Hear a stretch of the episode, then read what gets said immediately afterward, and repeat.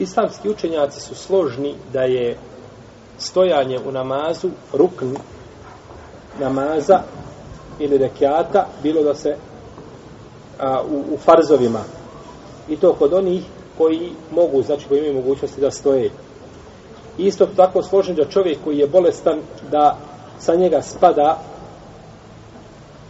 obaveza stojanja ako nije u stanju da stoji pa će klanjati od sjedeći Isto tako spada obaveza stojenja, znači moja sa čovjeka koji može stojati u namazu, ali mu to predstavlja veliku poteškoću. Znači on može stojati, ali stojanje mu predstavlja veliku poteškoću. Ili da zbog stojanja a, može se razboljeti više, ili da može potrajati duže njegovo izlječenje od koga se liječi ako stoji u namazu. Sve su to razlozi šta da sjedi. Znači nije da kažemo čovjek ima polomljene noge, hoda na štakama, ne može nikako hoditi, takav sam može sjedići klanjati. Nije nikako. Može čovjek može i da sam iz, iz džamije da iziđe polako hodajući. Ali stojanje na jednom mjestu njega bi opteretilo, na primjer, 5 od 10 15 minuta, onda mu kažemo šta? Sjedni slobodno ovaj i klanjaj sjedeći. I ovo je pitanje kod koga dosta ljudi kaže, postavljaju pitanje, ja sam u takvoj i takvoj situaciji, mogu li klanjati od sjedeći? Znači, to nema tog muftije koji može čovjeku reći može ili ne može. To čovjek odlučuje na osnovu svoje takve i svoje bogobojaznosti. Otkud zna onaj kome ti, koga ti pitaš kako je tvoje stanje? Ti možeš ima stanje, ali svoje, tvoje stanje treba biti. Boji se Allaha koliko možeš. Ako možeš klanjati stojeći, to je bolje. A ako ne možeš, ako predstavlja veliku poteškoću, i ne daje Bože da bi čovjek zbog toga mogao zamrziti i badati i slično tome, onda, je, onda će klanjati od sljedećeg. No, pa međutim, ovdje treba izuzeti onu poteškoću koja je svakako šta ovaj, a, a, objektivna u ibadetima. Jer čovjek pošao na hađi, ima poteškoće, ali tako? No, međutim, ne možemo kada čovjek zato što ima poteškoće, nemoj ići na hađi. Obaviti namaz, treba ustati u 5 sati, pa sad s hladnom vodom, pa doći u džamiju, pa kiša, pa sve su to poteškoće. Ali to su poteškoće koje čovjek može šta? podnijeti, jednostavno, lahko i podnosi.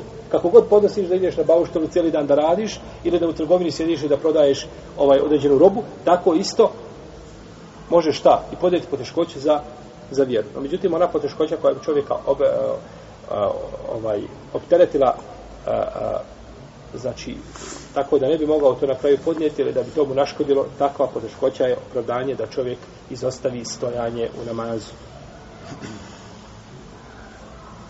Od Enesa ibn Malika se prenosi, kako je došlo u Buharinom i Muslimom Sahihu, da je poslanik sa osaname pao sa konja. Pa je uh, e, odero svu kožu sa desne strane tijela. Salallahu alaihi wa Pa je nakon toga klanjao, uh, klanjao je sjedeći. Kao imam. A oni koji su za njega, oni su šta? Sjedeli. I oni su sjedeli, tako? Da. Govorit ćemo išao o tome. Kad imam klanjao sjedeći, tu je veliki, veliko razilaženje među pravnicima, je li taj propis dokinut ili nije. Imam klanjao sjedeći, šta će rati oni koji su iza, a mogu stojati? Klanjaju ono sjedeći ili klanjaju stojeći? Pa ćemo vidjeti mišljenje džumhura, šta kažu i vidjet ćemo šta kažu islamski pravnici. Kaže Ibn Kudame, može se iz ovoga hadisa, ne se Ibn Malik, kada je poslanik sa osanem pao s konja, zaključiti da je on mogao stojati, jer pao s konja i gulio kožu. Znači mogao je stojati. No međutim to stojanje mu pravilo probleme, pa je stoga šta? Ovaj, oslobođen stojanja, pa šta vrijedi sa poslanika, sa osnovima vrijedi i za njegov umet. Dozvoljeno je da čovjek a, klanja na tilu, na jahalici, na putu, znači da klanja, kako je poslanik sa osaleme, bilo se radi o jahačoj životinji, bilo se radi o, o drugom nekom preoznom zvestu, nije bitno, dozvoljeno je da klanja, znači, od sjedeći. Isto tako dozvoljena je na fila od sjedeći, iako čovjek nema opravdanja. Može na filu, znači, klanjati od sjedeći, iako nema opravdanja, no međutim ima samo pola nagrade kako je došlo u sunnetu da čovjek koji stoji ima duplo veću nagradu od onoga koji sjedi, odnosno onaj koji sjedi ima pola nagrada onoga koji stoji. Pa tako došlo do hadisa Imrana ibn Husajna, koji se nalazi kod imama Buhari i Tirmizije i drugi.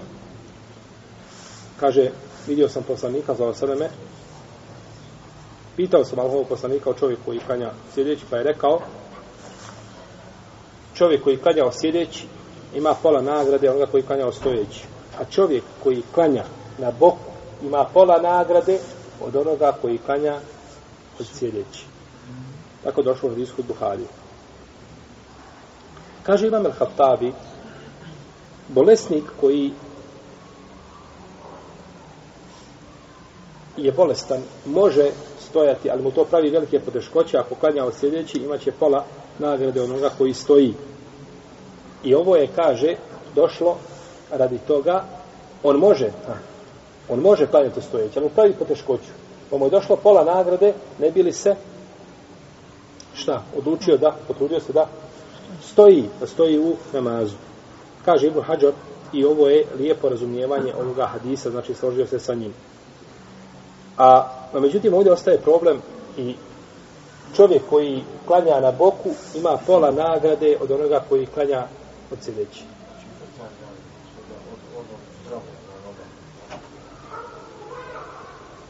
Kako će čovjek sjediti u nama u ovome, e, kada klanjao sjedeći na filu? Znači, noći namaz, hoće čovjek da klanjao sjedeći. Kako će klanjati taj namaz za sjedeći? Kako će sjediti? To nije pojašeno u hadisima način, nego se kaže sjedeći. Braćo, sve što šerijat nije ograničio, nećemo ni mi ograničavati. Jer svako ograničenje je poteškoće ili olakšice? Poteškoće. A mi nemamo pravo otežavati u metu poslanika, sallam, bez argumenta tamo gdje kažemo navodno da otežamo, jeli, tu ima argument, nema po pitanju pet dnevni namaza, nema igre i šale, nema to olakšica, kada je tri, nemoj dva. Tu je stvar jasna kod dan, po pitanju posta, po pitanju neki temeljni, znači ovaj elementarni sastavni dijelova islama i tako dalje, tu je šarija došao kategoričkim naredbama i tu čovjek nema slobode izbora. No, međutim, ove stvari gdje ima, nećemo ograničavati ljudima. Šarijat rekao da se pere ruka pri, nama, a pri abdestu desnu ruku da opereš. Kako ćeš je prati? Hoćeš uzda desnom rukom vodu pa si, sipati na, na istu ruku. Ili ćeš lijevom pa sipati na desnu. Kako ćeš? Kako god da uradiš ispravno. Kako god da uradiš ispravno je. I ne treba da se ograničava niko ovaj. Ja sam jedne prilike jednog šeha upitao za, za to pitanje. Kaže, kaže, mi Arapi, kaže, često pretjerujemo, kaže, u vjeri, a vi, kaže, stranci, kaže, nas slijedite, ne Arapi, ali mislim, ne Arapi, nas slijedite u tome, kaže. Kaže, šarijat je te stvari ostavi otvoreno i ne smijemo otežavati ljudima. Ko hoće sebi da oteža na određeni način da sebe obavi, to je njegova stvar. Ali nemoj otežavati umetu poslanika, sallam, jer jer je Allahov poslanik olakšao i da je htio da težao bi rekao i moraš desnom rukom posuti na desnu, a lijevom na lijevu. Nije, došlo je da se opere ruka kako da, god da se uradi, to se smatra pranjem, pranjem ruke. E ovdje isto sjedenje, znači došlo je otvoreno. Pa tako kaže Ibn Hajar u svome dijelu Fethul Bari, neka čovjek sjedi kako mu je lakše. Neka čovjek sjedi kako mu je, kako mu je lakše. No međutim, ono kada se kaže sjedenje, na šta prvo pomislimo? Pa sjedenje kako sjedi na kešehudu. Odmah nam to dođe u glavu, jel? To je to sjedenje. Iako kažu tri imama, Ebu Hanife, i Malik, imam Ahmed, da se sjedi ovako. Potrebbe. Potrebbe ovako da se sjedne, znači e, se skupiti mnograma napred, kažu da se tako može sjediti. U svakom slučaju, kako god čovjek da sjedne, to je škajp i to je i to je bereket i neće smeta, znači to sjedenje.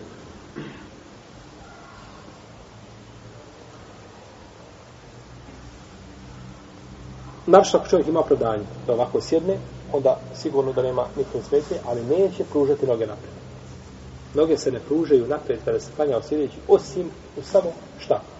U zapravdanju, da čovjek ne može drugačije. Niti možeš sjesti na noge, niti možeš poviti, tako samo pravo, to je druga stvar. Da bi ostao čovjek okret prema kimli, može pružiti noge. A međutim, drugačije neće okretati se tako u namazu, nego, znači, nastojeći da sjedne jedan na, na ova dva načina, ili neki drugi način koji mu lakše da sjedne na jednu nogu, da podvije drugu, kako mu je lakše, tako neka uradi, inšalotela da je to ispravno.